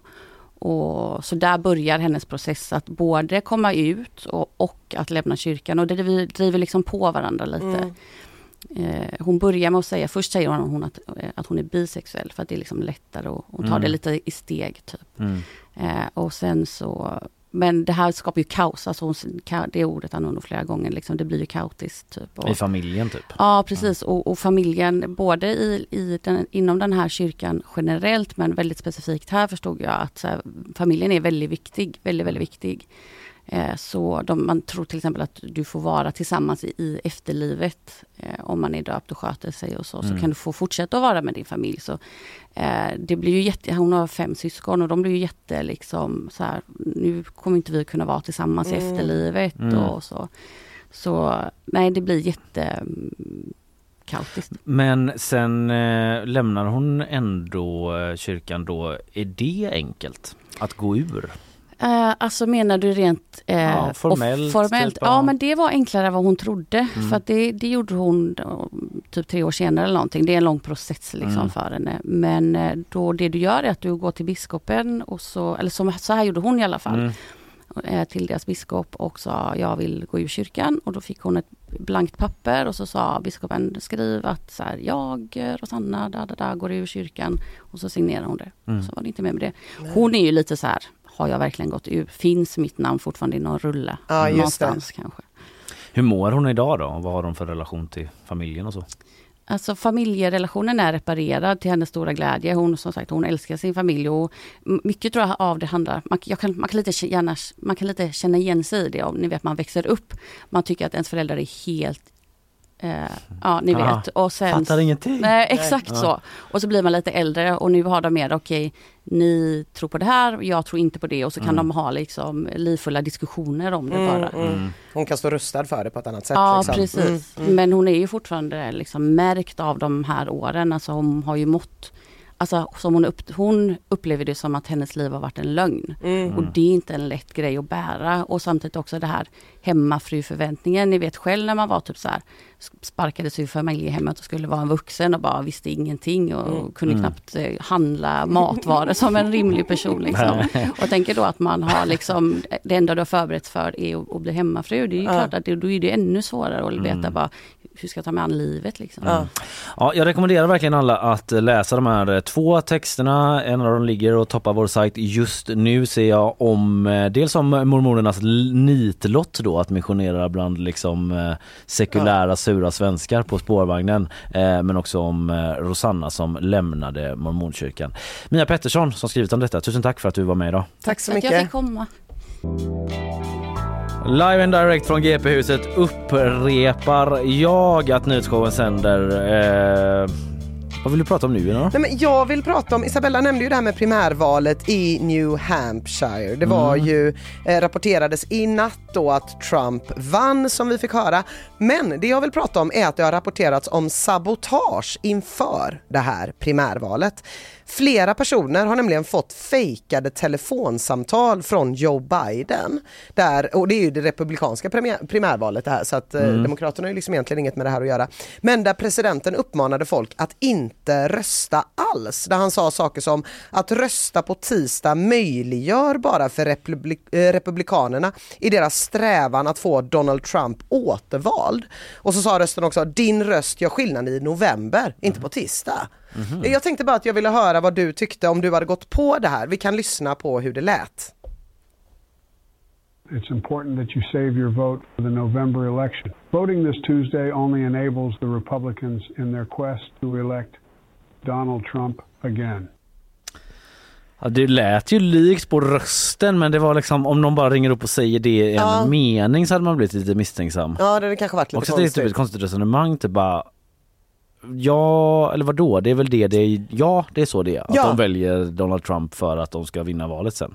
Precis, precis. Och det, Det är väl också- poängen typ, Ja. med att välja en kandidat. Ja, men att han menar att då att eh, eh, den här konkurrent, eh, konkurrenten till Tri- Trump, nu har jag glömt vad hon Nikki heter. Haley. Nikki Haley. Ja. Eh, att eh, det, det, det var liksom väldigt oklart vem som ligger bakom det här Ja, och det är fortfarande ja. ingen som vet. Vissa säger att det liksom är eh, från Nikki Haleys sida, vissa säger att det är Demokraterna själva, att det Mm. finns demokratiska grupper som vill att folk inte ska delta i det här valet. Alltså det är så jävla rörigt. Men jag bara ville liksom passa med det för att det är ju det här supervalåret vi har framför oss. Ja, Det har ni pratat om i nyhetsshowen. Supervalår samtidigt som liksom AI blir tillgängligare än Mm. någonsin och det är så otroligt mycket desinformationskampanjer.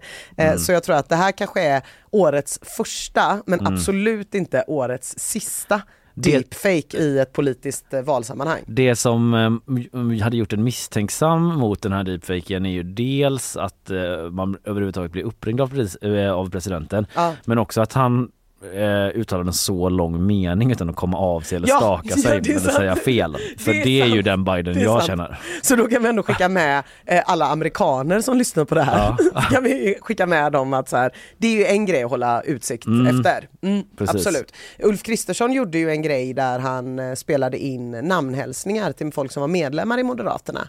Mhm. Eh, så att eh, inför, inför svenska valet där han sa liksom så, eh, välkommen Gunilla, Mm. eh, din röst viktig, babababam och sådär. Så fick Mm. Då satt folk han som i en hette ljudstudio Gunilla och så bara Gunilla. Ja precis, och så Per-Erik. klipptes det här ihop på något sätt. Så det känns som att så här, den här nya fräcka teknologin, folk är så typ, den kan väl tjäna Ja. oss eller bara, ja eller dina motståndare. Vi får se. Roligt att tänka att han sitter och bara Gunilla, du, jag tar den igen. Gunilla. Ah, Gunilla. Där satt den, där satt den!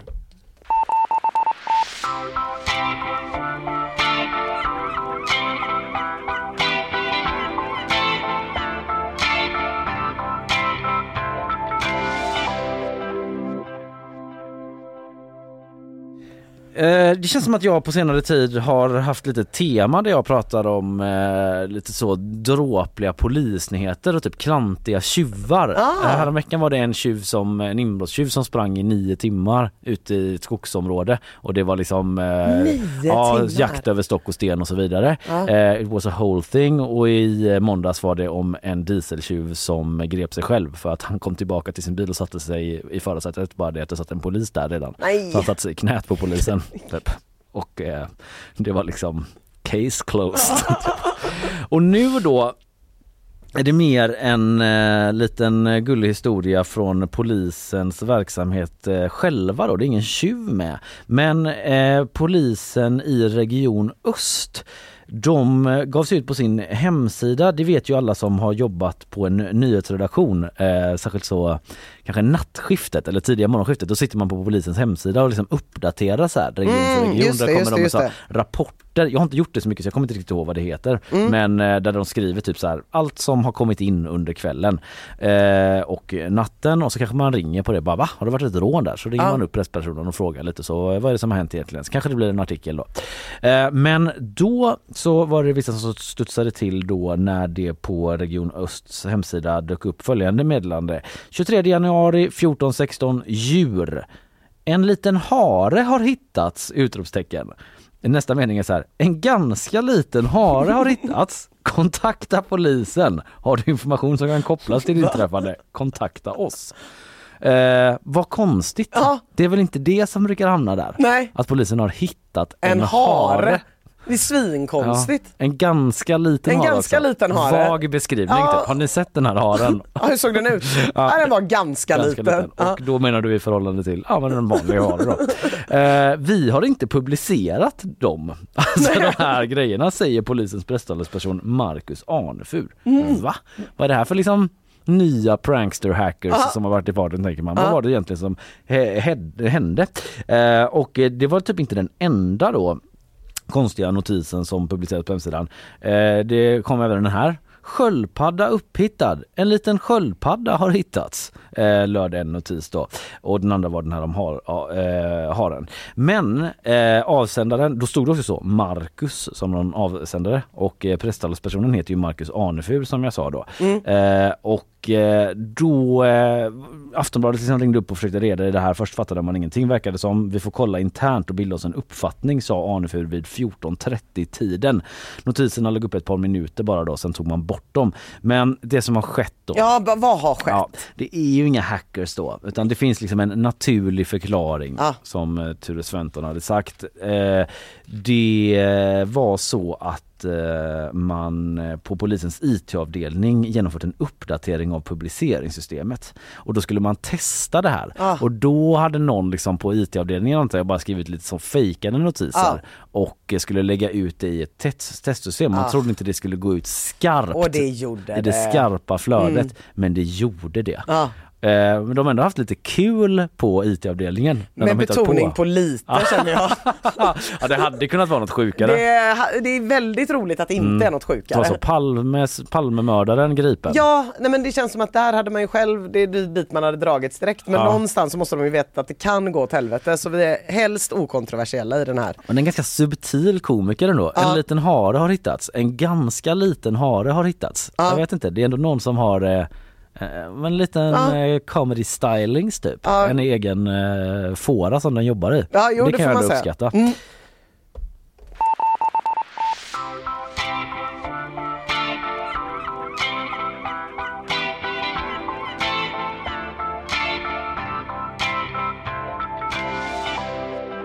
Ja du Kalle, den brittiska armén den är underbemannad. Det är ingen nyhet säger du Kalle.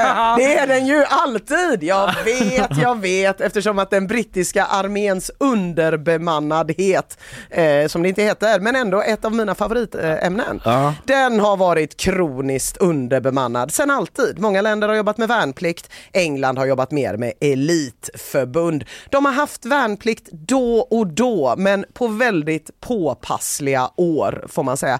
En bit in i första världskriget skaffade de värnplikt.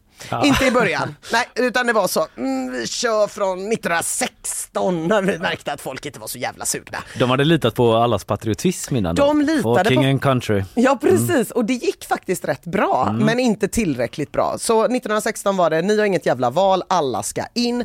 Avskaffades 1919, påpassligt Mm. nog. Då var det safe och fritt fram. Sen, eh, ingen värnplikt. 1939, uh, let's bring back ye old värnplikt kände britterna Mm. Av någon anledning. Eh, och sen eh, 70 år tillbaka, sen dess, avskaffad. Mm. Ingen värnplikt. De har alltid haft lite svårt att hitta folk till sin armé. Mm. Och liksom, hur gjorde de då under första världskrigets början när det inte fanns någon värnplikt? Ja men det är jättekul att du frågar Kalle. För då gjorde de en helt sjuk kampanj som är, ja men det här är något av det sjukaste jag vet. Ja. Eh, man anlitade och uppmuntrade kvinnor att gå fram till män i stridsför ålder, Mm. typ 1915, 1916 och fästa en vit fjäder på deras kavajslag Mhm. för att tönt-shamea dem för att de inte Aha. låg i skyttegravar och dog. Det kommer fram en snygg tjej och man tror bara, tjej. oho, vad kommer här bara? exakt. Nej, jag Du blev kan väl ha på dig den töntstämplad. här? Ja, vad är det? Betyder det att du vill ligga med eller? Nej, det Nej. betyder att du är en jävla tönt. typ. Exakt! Ja. Så man använder liksom k- eh, mäns, unga mäns vilja att imponera på kvinnor Mm. till deras nackdel. Ja. Sjukt jävla smart. Här någonstans kanske någon tänker, have I really tuned into nyhetsshowen? Or something completely different. Nu kommer nyheten hörni, håll i er producent Karl, du behöver inte bli ledsen, det kommer nyheter. Nya tider nu, nya tag krävs. En värld rustar upp och då behövs ju folk prick nu. Vad ska man göra när de vita fjädrarna kanske inte funkar eh, längre? Jo, man släppte en jävla maffig video på X. Du vet, man gör det ibland när man ska värva folk till armén, militärer gör mäktiga grejer. Det spelas jävligt mäktig och maffig invasionsmusik i bakgrunden. Kanske. Jag hade gått in i armén direkt om de hade spelat den här. Men det är sällan den melankoliska Band of Brothers, Brothers in Nej. Arms gemenskapen som säljs in. Utan det är mer, så här mäktig kan du bli. Men istället för att filma riktiga militärer som man brukar göra så visar klippet den här typen av stridssituationer och sådana saker. Men i Fortnite-världen. Oh. Ja. Nu är de down. Nu är de down. Fortnite för de som inte vet är att, eh, ett spel som eh, går ut på att man släpper typ 100 pers på en ö. Eh, man slåss med varandra tills en överlever. Mm. Man har gjort liksom en litet skin eller en version till Fortnite där miljöerna och uppgifterna ska likna verkliga militära mer än vad de gör i originalspelet eller vad man ska säga. Mm, okej. För att i originalspelet är det väldigt så färgglatt och Ja. det tilltalar barn. Det tilltalar absolut barn och det här eh, vill ju också då mm, lite tilltala barn. Ja. Eh, jag har ju man- varit på, jag testade att spela Fortnite, jag bara Ja. skjuta in det för några år sedan. Ja. Tänkte att så här, bara, jag kan väl också hänga på liksom Mm, och spela mm. lite Fortnite. Och då blev jag ändå varse att det är mycket barn, men också typ så här, barn med en attityd. Ja. Att jag eh, var ju ganska dålig på Fortnite då som ny och gammal och att det var många sådana italienska typ 12-åringar som bara “You're a cunt!” till, till mig. Exakt. För att jag var så dålig så jag slutade spela, det kändes inget kul. Nej, näthatad ut från Fortnite. Av barn. Ja. ja, du får prata om det. Eh, det, det, Det här är mitt ju, sommar. Det här är mitt sommar. Eh, nej men, och då så ska det då bli en stor match där man eh, befinner sig i en mer militär miljö. Allt det här för att få människor till den brittiska armén. Den ska livestreamas på Twitch. Kända influencers ska vara med och spela som youtubern Young Phil Chili, någon som uh, tydligen har 1,6 miljoner följare, jag har ingen aning om vem det är. Men på tal om Young, så ja det är väl det här som är det kontroversiella då. Fortnite har visserligen en åldersgräns på 12 år men det kan du intyga Kalle, Ja. det är många som är mycket yngre än så som spelare. Mm. Spelet är gratis, spelet är online, man får skjuta folk i ansiktet, det är allt som småbarn älskar. Mm. Och av den anledningen så blev det ju en del sura reaktioner mot den här kampanjen Mm. kan man ju säga då. Ett oetiskt rekry- rekryteringsförsök riktat mot barn skriver Mm. Daily Mail. Och eh, militären har pudlat så till motto att de har tagit ner annonsen. De har inte kommenterat den brittiska militären den här. Jag misstänker att de börjar damma av de där gamla fjädrarna som ligger i någon lagerlokal och känner att det kanske är tillbaka till, Ja. till det. Den analoga satsningen. Ja, den mer analoga satsningen. Så det är ju ett ständigt problem för England. Men jag har också en liten fråga här Mm. och det är vill man verkligen ha Fortnite-spelare i sin armé? Kanske, jag vet inte. Det känns som de kanske har eh, ett bra, ett hyfsat, eh, ja, det är inte samma sak att skjuta på. Jag skulle säga att de har ett bra aim, Mm. eh, men det är inte samma sak ju. Jag tror inte det är samma sak. Eh, nej, man kanske också har fel förväntningar på hur ett krig ska vara. Ja, att man ska visst. droppas ner och liksom eh, jag vet inte. Ja, typ vilka- att man kanske tror att det är mer brothers in arms på ett sätt. Att man är som ett lag som har kul och liksom tjabbar lite grann, Ja. har ett banter. Ja. Snarare än att man liksom du vet smyger fram i någon sån urban utbombad miljö och Ja. plötsligt blir skjuten av en sniper och så är det godnatt typ. Exakt, och i och för sig så har man väl alltid försökt romantisera kriget för att Ja. få män att frivilligt gå in i det som det har varit historiskt då huvudsakligen. Men jag kan ändå känna att, ja, ja, ja, fjärde kampanjen var hemsk på sitt sätt, Mm. men då kunde i alla fall kvinnorna göra en snabb assessment typ. Har den här människan varit utomhus någonsin tidigare? Har den här människan axlar? Är det här en person som verkar kunna andas med både munnen och näsan? Alltså lite, en liten utsållning kan ju ändå ske medan Mm. jag är lite misstänksam mot att Fortnite-spelare skulle vara de som är bäst lämpade, jag bara säger det.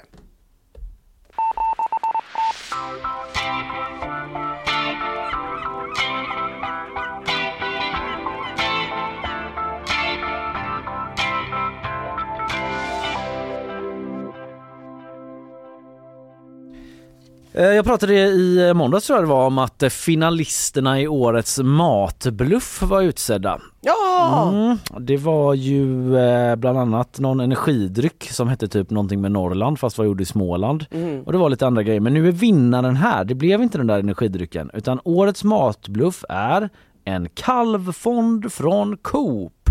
Mm. Känner du till årets matbluff? Jag vet precis vad ett matbluff Ja. är, förlåt att jag ser så sur ut men det är för att jag eh, älskar tillsatser passionerat. Ja men jag tyckte Eh, du hade Ja, jag, blir, jag, jag typ. börjar frusta lite Mm. när vi pratar om sådana här saker men jag försöker hålla mig professionell och neutral. Vad kul!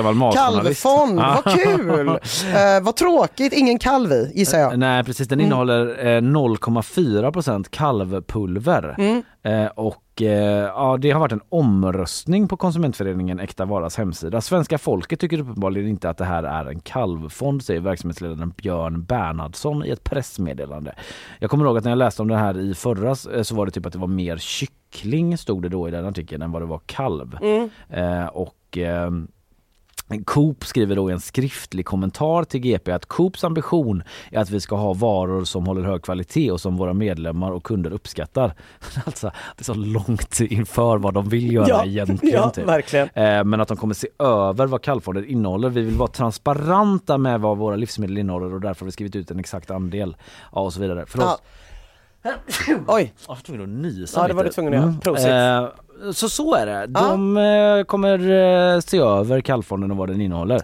Vill du liksom lätta ditt hjärta Nej men eller lite, vill du... lite, lite, lite. Jag, jag känner bara känner så, att det ja, hänger något i men det är något som hänger i luften. Nej, men jag känner ju så starkt, alltså jag är uppvuxen med asiatisk mat va? Mm. Och eh, det är ju eh, mycket bättre än annan mat, det vet ju alla människor. Och det är ju inget ideal där riktigt att saker ska innehålla saker som de heter. Nej, jag har liksom kycklingbuljong hemma utan kyckling, eh, MSG tycker jag liksom är livets Vad är det? salt, eh, mononatriumglutamat smakförstärkningsmedel. Ja just det, för det har ett sånt rykte om att så här, det får man inte ha, det Ja. är fusk. Ja typ. precis och jag tror att när jag gick i verklig clinch med liksom den här, eh, alltså med verklig clinch bara i mitt eget huvud Mm. med eh, den här typen utav priser och Ja. tankar om att man inte ska ha E-nummer i mat. Det var när någon gav sig på MSG. Mhm. För jag är bara så, ursäkta mig. Vad det är beefen med MSG som andra har då? Ja men beefen är, det finns inget vetenskapligt bevisat, det är jag helt säker på. Eh, Det finns folk som påstår att de mår dåligt av det liksom, men det finns ingenting som är bevisat. Mm. Jag tror att det finns en typ så här eh, smakpuritansk, eh, ett smakpuritanskt ideal Mm. som jag absolut inte vill sammankoppla med liksom nazism. Nej det vill du ju inte. Nej, det hade ju varit konstigt. Men jag kan, känna, jag kan känna så här att när man är sjukt jävla noga Mm. med exakt vilken terroir en morot är uppvuxen i och att den är helt svensk och helt fri från tillsatser, då blir det något som är lite obehagligt med Mm. det. Det är också lite så här, oh, jag älskar mat och jag är väldigt glädjefylld till mat. Mm. Jag tycker liksom allt kan vara så jävla gött. Om någon serverar mig ett pulvermos som är så Mm. jävla gött, då blir jag liksom glad, fascinerad, wow, Mm. framtiden går fram, vilket jävla pulvermos typ. Men om någon serverar mig en potatis med en backstory, Mm. då blir jag liksom sur Ja, och är ja. så här, var är glädjen? Kom igen, den Mm. behöver ingen backstory. Och så känner jag så här, jag har världens bästa kycklingbuljong hemma, den innehåller ingen kyckling, den här kallfonden. Vet du vad svenskar, nu blir jag så här, okej, Mm. det är det sista jag ska säga, men det är bara så här, vet du vad svenskar all, alldeles för sällan gör när det kommer till mat? Nej. Fråga sig, är det gott? Nej. Du behöver inte tänka så här, passar det in i mitt 6-8 diet? Är det 5-2? Är det ekologiskt? Innehåller det det det gör? Upplever det de här idealen? Är det inne med, med, sådär- med Valpolicella-vin i år? Eller är det Amarone-vin i år? Eller är det Pinot Noir? Är det gott bara? Ja. Är det gott? Så gör resten av världen. Ja, Funkar det- skitbra. Lite medskick man kan tänka så. Jag är ju inne i ganska mycket så här, vad innehåller det här Ja. grej nu? Jag har inte varit det tidigare men eh, Nej, man hamnar ju lätt där. ja man gör ju det. Men liksom, det, jag vet inte vad det handlar om. Men det, det är ganska unikt för Sverige skulle jag säga. Just Ja. den här, att är det gott hamnar väldigt långt ner på prioriteringslistan. Ja, för jag minns när jag var i Indien någon gång och det var på en strand där det var massa olika restauranger så var det en restaurang som var den bästa liksom. Mm. Men att det var så här, ja men de har sån förstärkning i den. Ja. Typ, så att det var typ fusk ungefär. men som att man nästan inte skulle gå dit fast det var det överlägset bästa stället. typ. Det var det- så gott där. Men det är också jättekonstigt att man typ, men vem är det som ska säga att man är duktig då för att det, ja det är fusk. Det är Mm. fusk, det är så här, smör. Ja det är bättre än margarin. Ja. Varför det? För att margarin är fusk. Ja. Men om margarinet är godare? Ja. Ja, du är engagerad där, det hör Ja, jag. Okej, okej, jag, Oh. jag, jag backar. Nu har jag pratat om fjädrarna på första världskriget och tillsatser. Jag vilar lite. Det behöver du aldrig göra med mig. Men eh, ja, i alla fall oklart liksom hur god den här kallfonden är. Den kanske är svinäcklig. Jag vet inte. Och då borde den falla på de meriterna. Den är i alla fall utsedd till Årets matbluff av eh, Äkta Vara, en konsumentförening.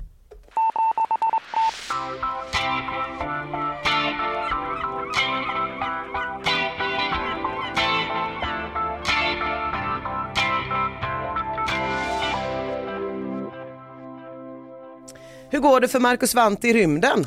Eh, det undrar jag. Det undrar du? Jag var så jävligt på det ett tag men nu har jag släppt det lite det var det. grann. Det kändes lite som NATO. Du pratade Ja. mycket om att nu åker han upp och sen fick jag höra på radion, det gjorde han inte alls. Nej, Nej. Så jag, uppskjutningen var uppskjuten. och så Exakt, så vidare. jag kände att jag måste få mina Marcus Wandt, mina NATO-nyheter får jag fortfarande fortsatt enbart från dig, Mm. men när det gäller Marcus Wandt så har jag sökt mig ut själv. Eh, igår, då livechattade han med Aftonbladets läsare direkt från rymdstationen ISS till exempel. Va? Snyggt. Snyggt. bokat Aftonbladet. Ja, ja, ja, visst, hatten av, det måste vi ändå erkänna. Ja. Eh, en annan grej som vi vet är att han äter en massa pasta. Tre kilo fusil- Brother in arm, vad fan. Brother in. Pastabroder. Ja, det är ju inte fel. I eat it day. Gör du det? Ja, nästan. Okej. Det är därför jag har börjat titta lite på vad saker innehåller. Ja, jag äter pasta hela tiden. Jag förstår, jag förstår. Ja. Eh, tre kilo fusilli befinner sig nämligen just nu i rymden för allra första gången. Wow. Och då var jag såhär, va? Är det första gången pasta är i rymden när jag läste den här artikeln? Ja. Eh, nej, det är första gången fusilli är i rymden. Och det Eh, är skruvarna. Ja, det är skruvarna. ja, ja. Spaghetti har tydligen varit där annan, men, eh, innan, men aldrig fusilli, det är första gången. Eh, förkokt tydligen, eftersom det inte riktigt funkar att koka saker i rymden. Okej. Där ser man. Nej. Det har de inte kommit på man- någon lösning på. Det har de inte kommit på någon put lösning. man on the moon, men du kan inte koka lite vanlig fusilli det på inte. ISS. Okej. Och vad har de till då? Ja, vad, om, de, om du eh, idag när du går härifrån tänker ikväll blir det fusilli, vad blir det till då? Eh, för mig, Ja. vad jag hade valt, eh, köttfärssås såklart. Ja såklart, det är ju svingott Ja, det faktiskt. det ju. Och en perfekt onsdagsrätt tycker Ja. jag. Eh, de får olivolja och salt.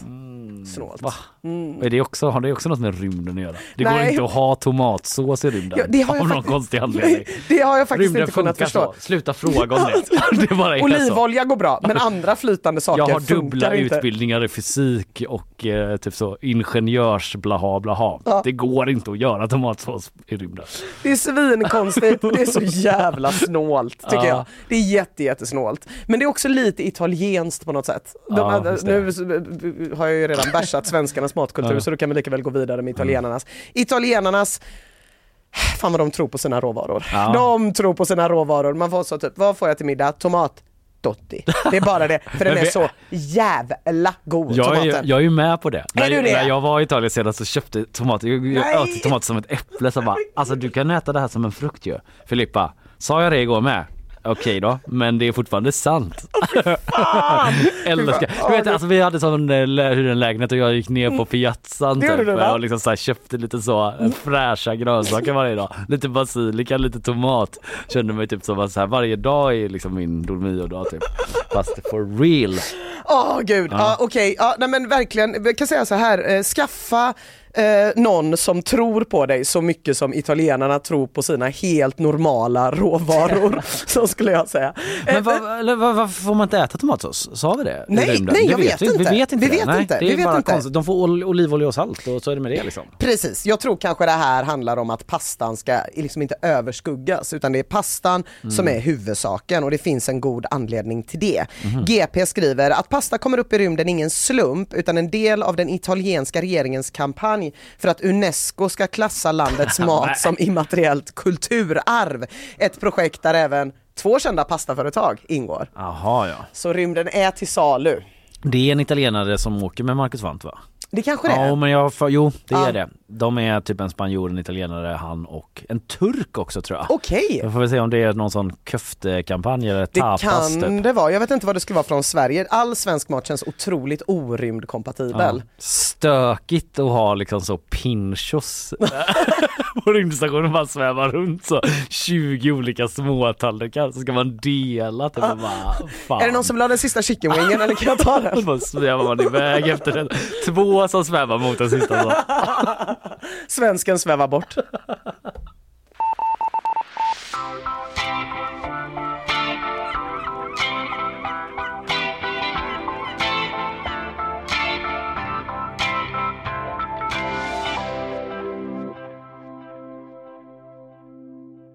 Nu kör du. Ja. Eh, I måndag så rapporterade GP att Apple hade betalat 142 miljoner svenska kronor till Ryssland. Eh, för Nej. att Apple har missbrukat sin dominerande marknadsställning. Så det blir lite mer ryska nyheter Ja. här mot slutet. Eh, och det här är ju en, en stämning som har skett i många olika länder. Apple har förbjudit apputvecklare från att tipsa sina användare om alternativa betalmetoder. Apple vill att alla ska betala via App Store. Aha, ja, ja men det här har du kanske nämnt någon gång? Ja men k- kanske, Ja. så de får procent på intäkterna då. Och det är ju rimligt upplägg liksom. Storföretag uppför sig lite monopoligt, Mm. blir påkomna, får böter. Händer hela tiden, händer i USA, händer i EU. Mm. Eh, som har vidtagit liknande åtgärder mot Apples användare då. Mm. Eller mot eh, användande av Apple Store. Men när det händer i Ryssland, Mm. då får man en liten annan känsla och är lite så, undrar om de här pengarna går till krig. Aha, ja just det. Nu, det är alltså- alltid det, Putins krigskassa liksom. Exakt, Ja. för att i rapporteringen kring den här, i alla artiklar jag har sett kring den här eh, stämningen eh, och det här skadeståndet som ska betalas så har det ju liksom inte skrivits ut direkt utan det har stått så här, nu kommer det in då, vad var det jag sa att det var, 142 miljoner kronor i samtidigt som Rysslands försvar behöver mycket pengar och rustar upp. Så att man Mm. kan ju liksom inte säga att det är därför. Nej. Men alla artiklar, Financial Times och alla svenska tidningar liksom antyder ändå att det kan finnas något Mm. Men det är sånt ändå inte som samband. att Apple vill betala de här pengarna. Nej, det vill de ju absolut de är inte. stämda typ. Ja precis, absolut. Och liksom anledningen att man skulle kunna tänka sig att det är, skulle kunna vara en strategi för att fylla på Mm. krigskassan är att Ryssland har stämt många västföretag Mm. sedan invasionen av Ukraina påbörjades. Kan ju vara ett käckt sätt, men jag, jag bara tyckte att det var en intressant tanke. De kan ju inte heller låta utländska företag bete sig hur som helst bara för att det är krig. Nej. Så att man hamnar i ett, en lite konstig situation att var, om man är ett, ett företag som beter sig lite weird Mm. typ i Ryssland nu Mm. så hamnar man i en situation där man bidrar till krigskassan. Just det, för man, det är så sannolikt att man kommer bli stämd också. Exakt, Liksom. exakt. Eh, så eh, det, det, var, det, det är den senaste stämningen men det har varit jättemycket sen Lite invasionen. Desperat känsla utifrån liksom det vi fått höra från Ryssland Ja. idag. Liksom, att man håller på och jagar byxlösa kändisar och företag. Så här, Ja, pengar. de beslagta behöver pengar. pengar, De ja. behöver pengar, de behöver liksom, eh, vad säger man, moral Ja. i folket och trupperna. Liksom. Och då jagar man det. Ja precis, så det händer ju mycket inrikes. Mycket av rapporteringen kring Ryssland handlar ju såklart om eh, vad som händer i Ukraina. Men Mm. det känns som att det är någon, väldigt mycket saker som pågår samtidigt inne i landet också. En allra sista sak.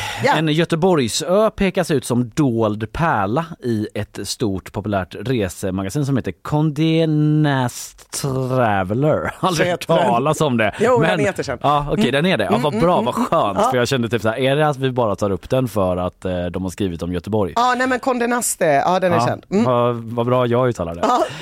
eh, då, då står det på GP så här. Vad har Sicilien, Azorerna och Göteborg gemensamt? Jo, de huserar några av Europas hemliga öar som många turister ofta missar.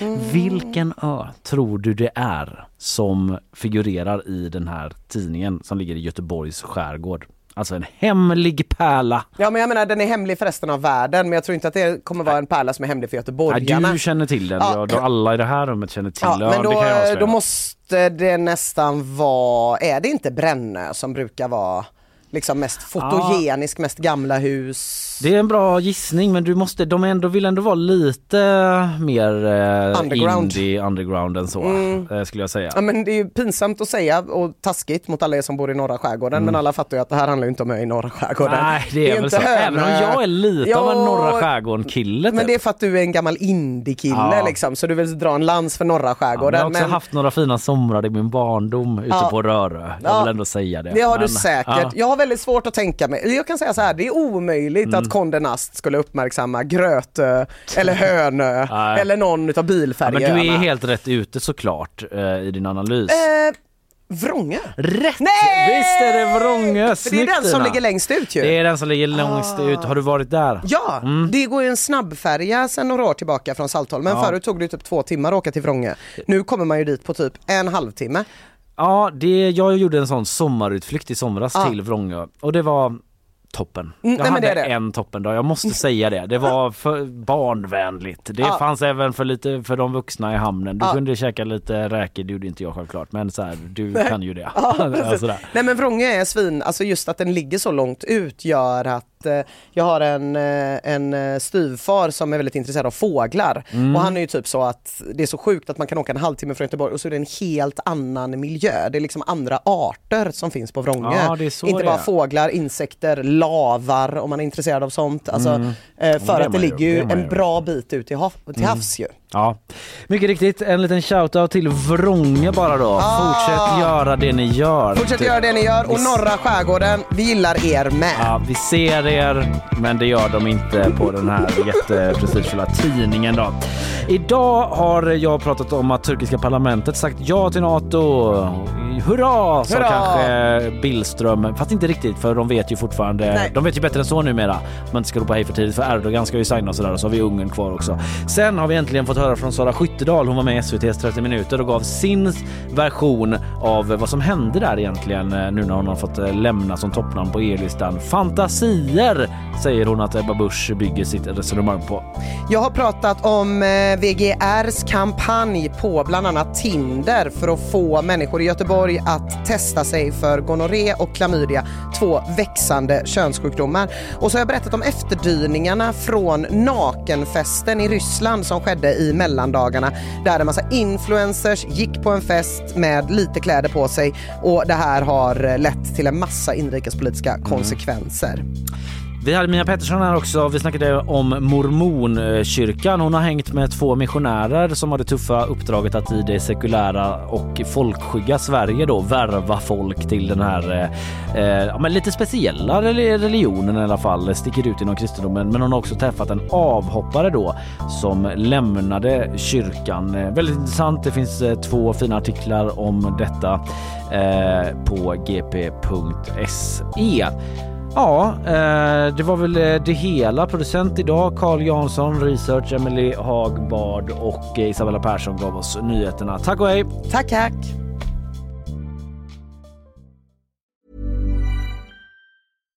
Hi, I'm Daniel, founder of Pretty Litter. Cats and cat owners deserve better than any old-fashioned litter. That's why I teamed up with scientists and veterinarians to create Pretty Litter. Its innovative crystal formula has superior odor control and weighs up to 80% less than clay litter. Pretty Litter even monitors health by changing colors to help detect early signs of potential illness. It's the world's smartest kitty litter. Go to prettylitter.com and use code ACAST for 20% off your first order and a free cat toy. Terms and conditions apply. See site for details. Planning for your next trip? Elevate your travel style with Quince. Quince has all the jet setting essentials you'll want for your next getaway, like European linen, premium luggage options, buttery soft Italian leather bags, and so much more. And is all priced at 50 to 80% less than similar brands. Plus, Quince only works with factories that use safe and ethical manufacturing practices. Pack your bags with high-quality essentials you'll be wearing for vacations to come with Quince. Go to quince.com/pack for free shipping and 365-day returns.